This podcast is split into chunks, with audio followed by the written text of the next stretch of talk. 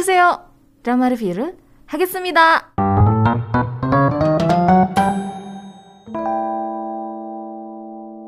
Iya, jadi again buat teman-teman yang ngerasa kayak hidupnya lagi flat, 오. lagi jenuh gitu ya, kayak nggak ada tantangan, kurang tantangan gitu ya, kurang berwarna. Nah, aku saranin untuk dra- nonton drama Makjang.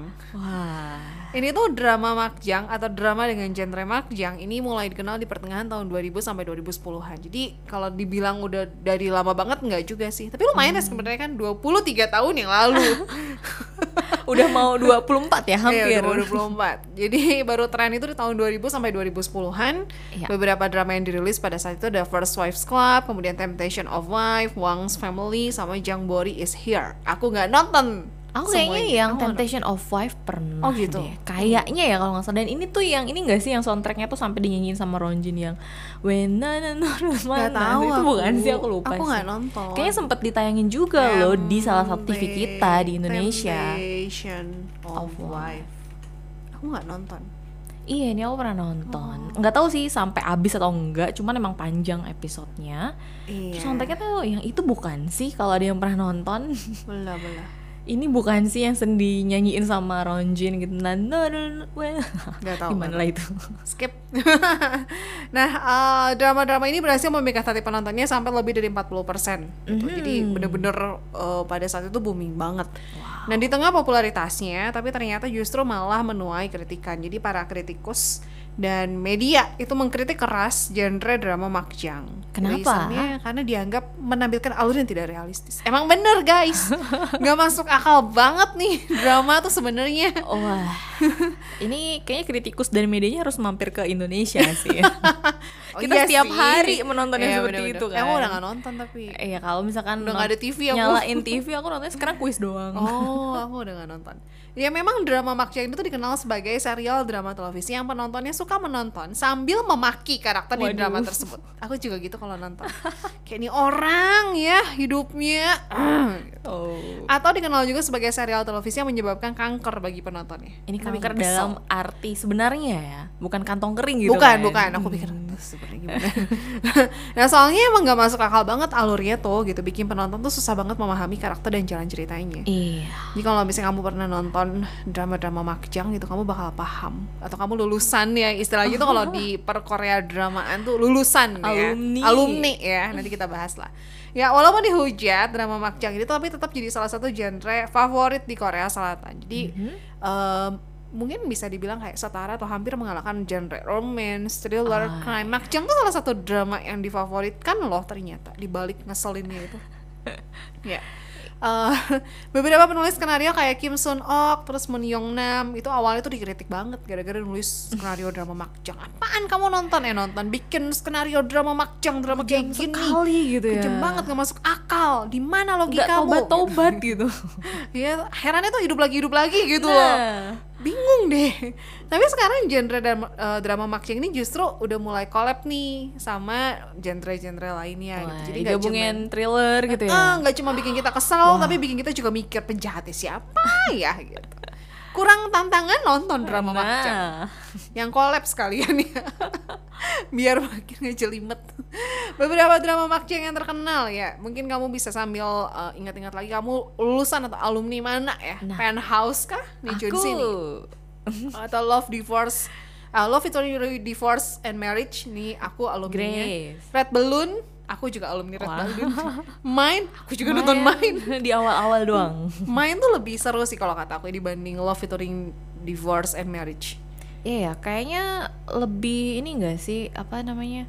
Karena banyak banyak yang dibahas gitu nggak? Apa? karena tamat Oh, karena tam karena Love Belum- Divorce and belum- Marriage belum pasti ya, belum pasti belum, ya. belum beres Nah. Kan itu sampai season 3 kan Oke. season 1 2 pemainnya sama season 3 diganti dong pemainnya gimana coba ceritanya udah diganti aku pikir oh bakalan Ini tamat nih bikin makin kesel lagi Iya. ya, bukan sekedar karena Season- itu makjang aja Iya, gitu. season 3 aku pikir oh bakalan tamat nih ya, beres gitu kan ya kayak Penthouse kan selesai itu season Iya, 3 ya iya, Penthouse. tiga. ya.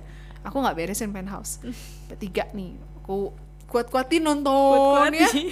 Kuat-kuatin nonton Emang sampai penasaran beres. banget sampai pengen tahu endingnya gimana. Oke. apakah si penjahat-penjahatnya si si cowok-cowok jahat itu ya? Karena kan ceritain eh, suami-suami yang selingkuh kan. Aha. si suami-suami ini tuh dapat karmanya atau enggak? Tonton nih. Oke. kuat-kuatin ya bertahan lah. Pokoknya ambil main game sambil ngapain lah pokoknya ambil browsing atau apa pun gitu. Ya yang penting sambil nonton ambil tahu. Pokoknya pengen tahu endingnya kayak apa. Oke. gantung dong sampai season 4 yang nggak tahu kapan munculnya. Iya, tahu-tahu diganti lagi punya pemainnya gitu ya. sebel banget itu aku. Itu drama paling nyebelin. Mengalahkan apa tuh yang biasa ah. Cheese in the Trap. Ah, itu kan drama bukan makjang tapi nyebelin kan? Iya. Love It in Divorce and Marriage itu udah paling nyebelin sih gitu Iya, tapi tetap penasaran mau nonton sampai habis. penasaran sih Oke. tapi season yang ketiga oke lah oke karena eh, si suami-suaminya itu udah mulai dapetin pembalasannya gitu Aha. hukumannya karena mereka jahat Jadi selama dua season sebelumnya tuh nggak dapet Nggak. sama sekali. Enggak. bahkan ya ini yang yang yang dibilang kayak luar biasanya genre makjang adalah di drama Love in Divorce and Marriage Mhm. season yang kedua deh seingat aku atau season yang pertama ya aku lupa ada satu episode which is atau episode durasinya kurang lebih 50 sampai 60 menit kan. Oke. karena kan ini dramanya bukan kayak drama-drama yang episodenya paling 40 sampai 50 gitu. Ini tuh 50 sampai satu jam lebih kadang. Iya, iya. anggaplah pukul rata satu jam. Selama satu jam eh kurang lebih sekitar 50 menitnya itu adalah dua karakter suami istri lagi berantem. Adu argumen Itu cuman gitu doang. cuman gitu doang muter-muter di situ aja Dan misalnya tempatnya nggak pindah atau mereka ke mana Enggak, kayak di dulu. ruang tamu di rumah kayak dia misalnya bosen nih berantem di ruang tamu kita pindah ke restoran depan yuk gitu Enggak. nggak di situ aja duduk nggak nggak berdiri berdiri juga Oh, enggak enggak. gitu duduk di situ argumennya berdua Intinya itu doang gitu Iya, ya. intinya Satu episode. sampai Wah. begitu beres nonton aku berpikir aku nonton drama apa cuman ngeliatin Ini, dua dua eh, orang berantem Dialognya nggak bisa diperpendek gitu ya, biar lima menit aja sisanya adegan lain kayak gitu. tapi hebatnya berarti kan si aktor sama si aktris harus ngafalin sepanjang itu Iya, kan betul, dan betul. itu tipikal tipikal shot yang long shot gitu ya bukan yang bisa di cut gitu Iya, iya, iya. Bayangkan dia ngapalinnya berantemnya gitu Kayaknya harus meresapi banget kan Iya. berantemnya. itu luar biasa sih sungguh Iya, yang sebenarnya yang kuat tuh pemainnya juga nggak sih? Iya. Kalau sampai kayak gitu. penontonnya juga sih by the way Penthouse ada di VU ya kalau nggak salah Penthouse di VU uh, Love Victory Marriage and Divorce ada di Netflix Red Balloon di VU main di Netflix in case ada teman-teman yang mau nonton ya Eh, Nah kali ini MBN itu menghadirkan satu drama makjang yang berjudul Perfect Marriage Revenge. Ini tuh diadaptasi dari webcomic judulnya apa nih? judulnya One Byokhan Kyorone Jongsuk. Jongsuk ini artinya standar ya, jadi Ah. standar pernikahan yang sempurna arti sebenarnya kalau di artinya itu ya. Gitu. Tapi kan Perfect Marriage Revenge ini juga eh, apa? Itu kan versi Korea eh, versi Inggrisnya judulnya. Sedangkan di Korea sendiri sama menggunakan judul webtoonnya. Oh gitu. Mhm. Ini tuh webtoonnya ditulis oleh Young dan I Bombe, diilustrasikan oleh Jerry Ball.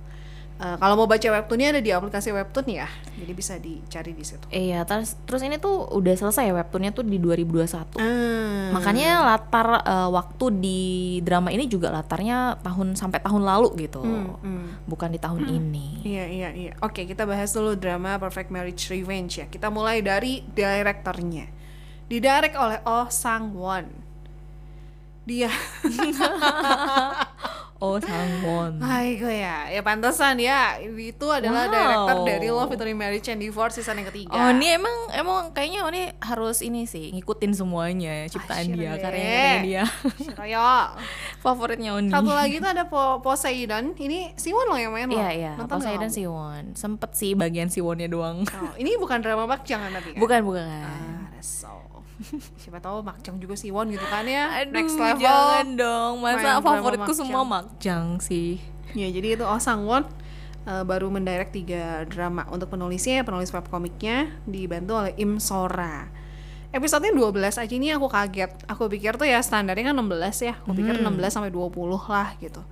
Terus begitu nonton vibesnya tuh kayak vibes drama keluarga family gitu kayak KBS kan suka banyak tuh drama-drama family yang episode itu 50, Iya, 100, iya, iya, 200 gitu. Iya, biasanya tuh ditayanginnya tuh pagi-pagi atau siang-siang gitu. iya, bener. Biasanya tuh kalau drama keluarga tuh gitu kan di saat para eh, ibu-ibu biasanya ya udah selesai kerjaan rumah, Oh, nonton iya. mau istirahat, nonton itu gitu. Oh, iya iya itu drama family vibesnya tuh kayak gitu editingnya tuh bener-bener beda banget sama drama-drama yang sekarang gitu dari sinematografinya terus angle-nya aku sampai berpikir ini drama tahun berapa sih sebenarnya Iya Aneh dan aku banget. juga di awal tuh ngelihat agak ragu gitu. Aku nonton gak ya? Takutnya kepanjangan, takutnya terlalu ya kalau drama yang gimana banget gitu kan.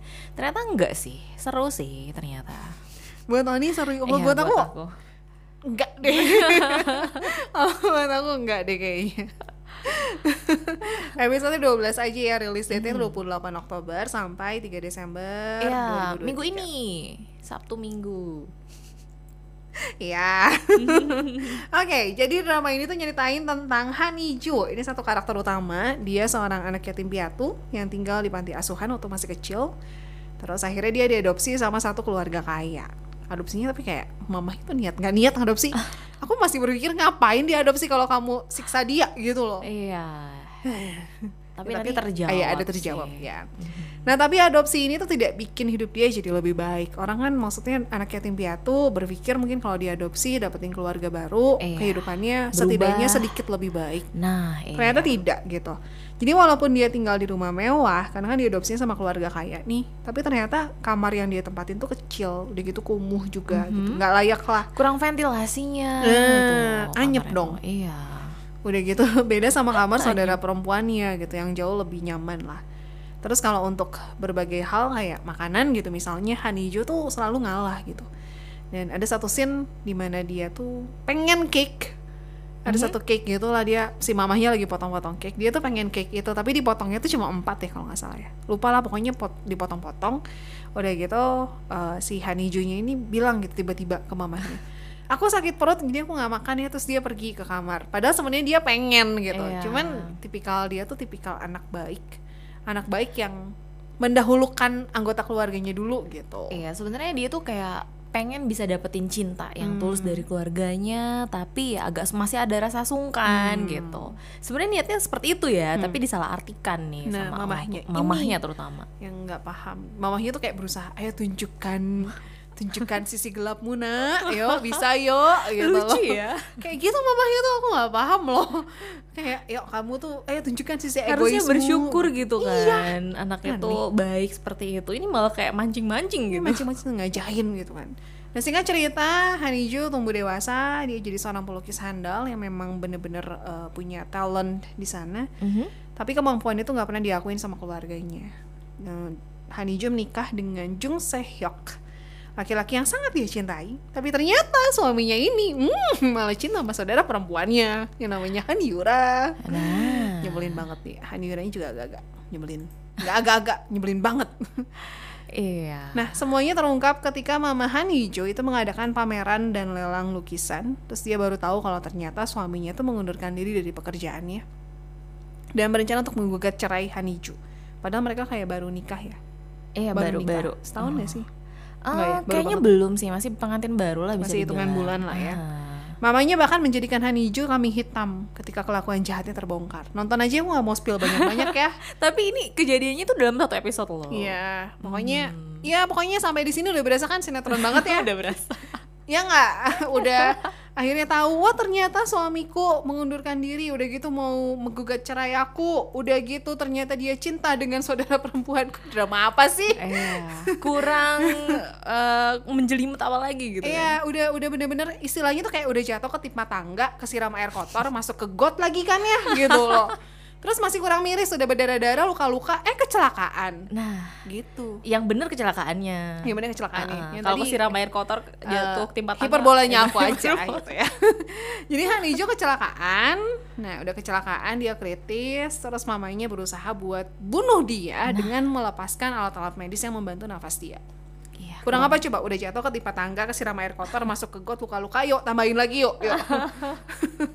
inilah seninya drama makjang guys ya Iya. Singkatnya, pokoknya akhirnya Hanijo dapat kesempatan kedua untuk balas dendam.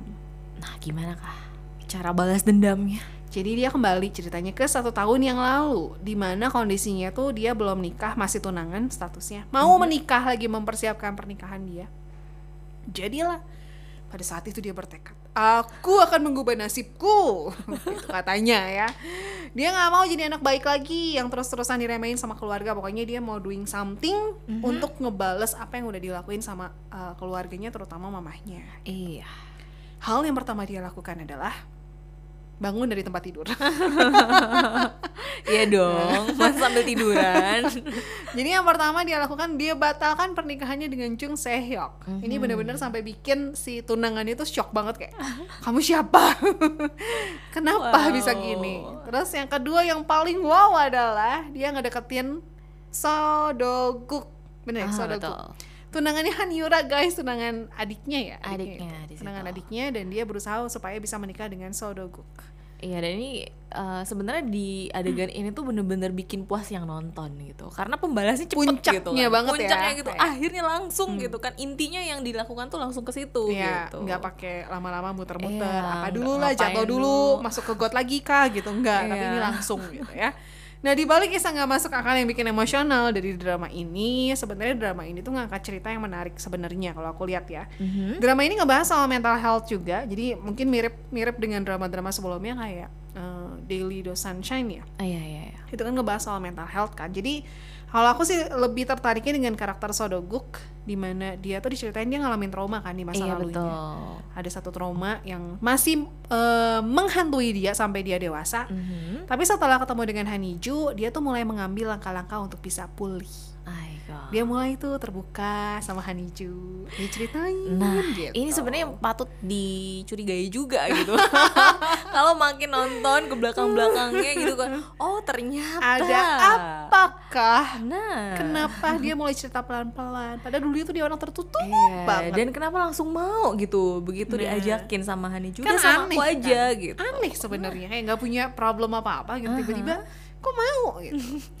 Begitulah ceritanya ya? Iya dan kurang itu lebih seperti itu. kalau buat aku ya ini tuh bener-bener uh, walaupun dibilang drama makjang tapi bener-bener balas dendamnya itu cepet banget. Terus Iya. juga plot twistnya tuh banyak banget dan paling plot twist kalau buat aku justru di episode-episode menjelang episode akhir. Eh, itu plot twist banget yang kayak hah? Sampai ada begini juga ternyata. Nggak cuman plot twist yang kemarin-kemarin aja nggak cukup di situ tapi ada lagi yang kayak gini. Wah.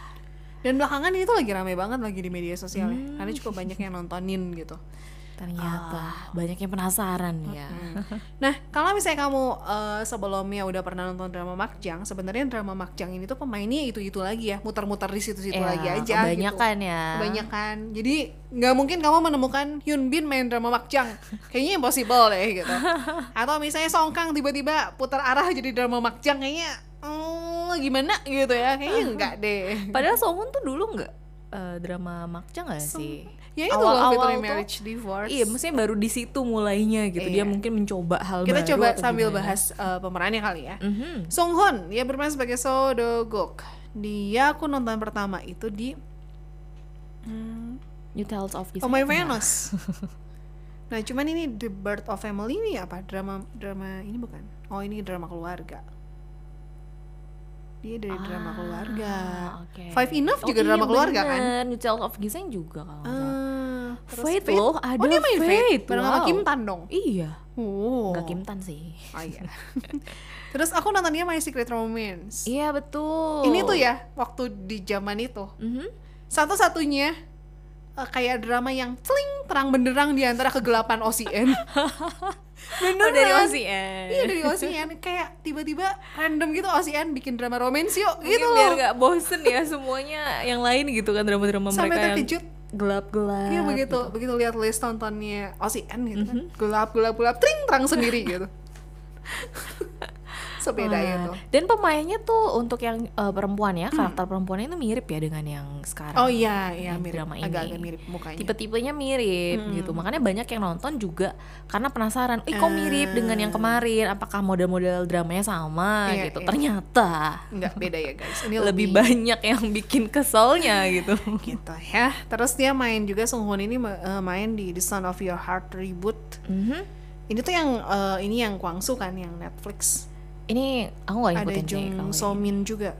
Tapi ini versi ributnya. ini. Ada Yuri. Mm-mm. Ini yang ini yang diperanin sama Kwangsu. Tuh ada Kwangsu, ada Jung So Min. Ah, Aku nggak nonton sini tapi katanya bagus. Aku nggak nonton tapi. aku tanya yang Terus- level up. Level up, oh kamu nonton level up? Aku nggak Eh, ada sedikit lah Aku nggak nonton ini. tentang ada dia CEO gitulah dari startup. Oh, berapa episode atau 12? Mhm. Nah, barulah dia main di Love Victory Divorce and eh, Marriage and Divorce. Tapi cuma sampai season 2. Season 3-nya dia digantiin. Udah capek kayaknya dia. Sudahlah gitu. Giliran mau dapat karmanya diganti. Semua tuh bilang gitu tau. Oh gitu. Iya, karena pemeran-pemeran jahat itu kayak diganti kan jadi kesel ya kita tuh udah berekspektasi kan di di kepala kita tuh si Sunghoon nih yang bakal kena nih gitu. Eh ternyata diganti. Mungkin karena dia berniat untuk eh, ganti, nggak pengen dapat karma, ingin dapatnya justru yang buah-buahnya saja di drama ini gitu. Special. Udah gitu dia main di Worry the Virgin. Aku nonton tapi nggak beres. Uh, Dead Game, Dead Game belum sih ya. Terus ya baru Perfect Marriage Revenge. Hmm. Nah ini yang tadi eh, Grace sempat sebutin ya, kalau pemainnya tuh ada yang bertukar. Iya, nah jadi di kan aku nonton, aku alumninya ini kan Love Victory Marriage and Divorce kan. Aha. Di situ tuh Sung Hoon jadi salah satu suami lah, suami yang nyebelin. yang eh apa ya istilahnya yang punya affair lah sama satu satu orang penari, bukan penari. Ya, Apa pokoknya lupa. Ada affair lah Iya ya. ada affair lah pokoknya. Nah di drama Marriage eh, Perfect Marriage Revenge itu jadi mama mertuanya. kan Jadi aneh. istrinya dia di drama ini atau eh, selingkuhannya, affairnya Di mana? yang di mana? jadi mamahnya, mamah mertuanya Song Hoon. di Love Victory Love Marriage and Victory, Divorce iya. jadi affairnya dia. Affairnya dia, jadi bukan istrinya Bukan, ya? Oke. bukan jadi Wow. affairnya dia. Di sini jadi mama mertuanya. Nah. Kan aneh ya nontonnya kan kayak aku nonton apa sih? ya itulah drama Makjang guys. Ya FYI memang seperti itu drama Makjang tuh. Mhm. Gitu. Ya. Gak, gimana gitu. Oke, kita ke pemeran selanjutnya. Siapa nih Oni? Jong Yumin. Jong Yumin ini aku jarang sih lihat ya. Masih belum apa namanya jadi banyak jadi pemeran utama kayaknya dia tuh. Aku nontonnya di High School of On loh, tapi lupa jadi apa dia.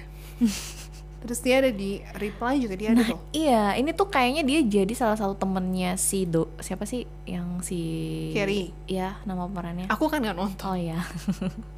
Aku nontonnya 97. Tapi jadi salah satu temannya di saat udah kuliah gitu. Ah. Jadi cuman tampil sebentar aja kayaknya sih. Terus dia ada di Remember War of Sun, terus Love in the Moonlight, uh, Room Number 9, Mhm. Itaewon Class tapi cuma muncul satu doang. Hospital Playlist juga dia main. Iya. 2521, Cuman satu episode juga. Bumi jadi yang mana ya? Red Balloon, aku nonton di Red Balloon. Red Balloon karakter dia juga nyebelin tahu. Tapi pemeran utama bukan? Eh, per- pemeran pembantu utama. Pembantu utama. Jadi kayak pemeran utamanya punya adik, adiknya dia. Ah. Iya, jadi dia belum banyak eh, drama-drama yang di mana dia jadi pemeran utamanya ya. Belum belum. Mhm. Bahkan di Red Balloon aja ini kan salah satu drama Makjang juga kan dia Oh. ya belum jadi pemeran utamanya tapi lumayan dapat spotlight lah dia di Red Balloon ini. Terus selebriti, selebriti dia jadi apa? Aku nonton loh selebriti. Oh, wow. Nah, lah. Ya udahlah. Itu pokoknya. Gitu. Ya, itu untuk Jung Yumi. Jung Yumin. Sisanya kita bahas nama aja kali ya. Ada Kim Eung Soo berperan sebagai So Yong Kyung. Ini juga ada di Love Victory Marriage and Divorce. Terus Wah. ada Kalau istrinya nggak ada ya? Suk. Imi. Dia ada di dramanya siapa ya? Aku nonton dia di mana? Kim Tan gitu? Kim Tan. Enggak deh kayaknya. Aku nonton di mana ya dia ya? Cinderella Stepsister. Love Rain. Jealous Incarnate. Ah, sama Jo Jo Jo, Jo Jung Suk. Jo Jung Suk. sama Jo Jung Suk terus iya dia ada di situ Jealousy Incarnate sih yang aku inget dia main di situ Mungkin Oni nonton di Empire? Enggak. enggak sampai aku nggak nonton terus ada Jin Ji Hee ini aku agak kaget kenapa dia mengambil genre makjang ya Iya, dan dia tuh masih ini Masih enggak sih karakternya tuh masih kayak anak sekolahan gitu sih iya cocoknya? di sini tuh dia tiba-tiba gitu deh pokoknya dia alumni Sky Penthouse? Eh Penthouse ya? Penthouse Oh, dia Penthouse Castle beda-beda beda. Penthouse Penthouse jadi si Jenny Iya juga ya, aku ngikutin padahal ya ampun. iya kamu yang alumni Ah, Penthouse iya. loh. Suka ketukar sama Sky Castle. Sky Castle. Aku juga nggak beres lagi. Terus ada Lee Min Yong. Ini nih Lee Min Yong. Yang berperan sebagai Lee Jung Hye. Jadi affairnya Song Hoon di dramanya Love Featuring Iya. Divorce, eh, Marriage and Marriage Divorce. and Divorce. Gitu. Jadi gitu deh. Ya ya memang mungkin kalau kamu pas nonton drama makanya kamu akan ngerasa kayak ini drama apaan sih? gitu. Tapi eh, fun fact-nya adalah ini tuh salah satu genre yang favorit di Korea Selatan Iya. gitu walaupun memang alurnya tidak masuk akal Tapi untungnya untuk drama ini tuh nggak terlalu panjang ya. Dan Iya, kayaknya sih nggak akan ada season 2 ya. Kayaknya ya, karena nggak tahu deh. are you sure Kan kayaknya. Kan Semoga. kadang-kadang suka tiba-tiba gantung gitu ya Jangan gitu. kayak itu kan Love Victory Marriage and Divorce tiba-tiba ada season 2 muncul ya. Wow. ya Jangan selamat sih kalau ada dong. Terus eh, kalau ada ya diganti aja lah pemainnya. Biar aku nggak club lah, ngikutin. pokoknya Jangan. aku tuh juga awalnya sebenarnya ragu yang mau bahas drama ini tuh kan karena kan kemarin pas kita kontakan ya aku kepikiran drama Rowoon kan Iya. drama Rowoon atau ini cuman karena di aku di sosmednya aku lagi banyak banget muncul drama ini sama Song Kang Mhm. Song Kang kan aku pikir ya nanti lah minggu depan next week gitu aku bahasnya ya udah bahas ini aja dulu pasti. Oni udah nonton tumben-tumben Iya. kan? Drama. Oni sekarang lagi sengaja. lagi demen nonton Karena drama. ini tuh ada di IndiHome juga. oh iya bener. Di saluran K Plus ya? Iya, K Plus, betul. gitu. Jadi Dia Oni yang inget malah. karena di video ini by the way kalau misalnya kalian mau nonton kalau nggak nggak pakai IndiHome nggak pakai uh, UCTV ada di video ya. Cuman harus langganan di video tuh di atasnya ada tulisan K plus. Oh gitu gitu. udah emang kerjasamanya gitu kali ya. kayaknya ya. begitu kayaknya begitu ya itu dia dramanya jadi kalau misalnya teman-teman mau nonton bisa nonton di K Plus atau di video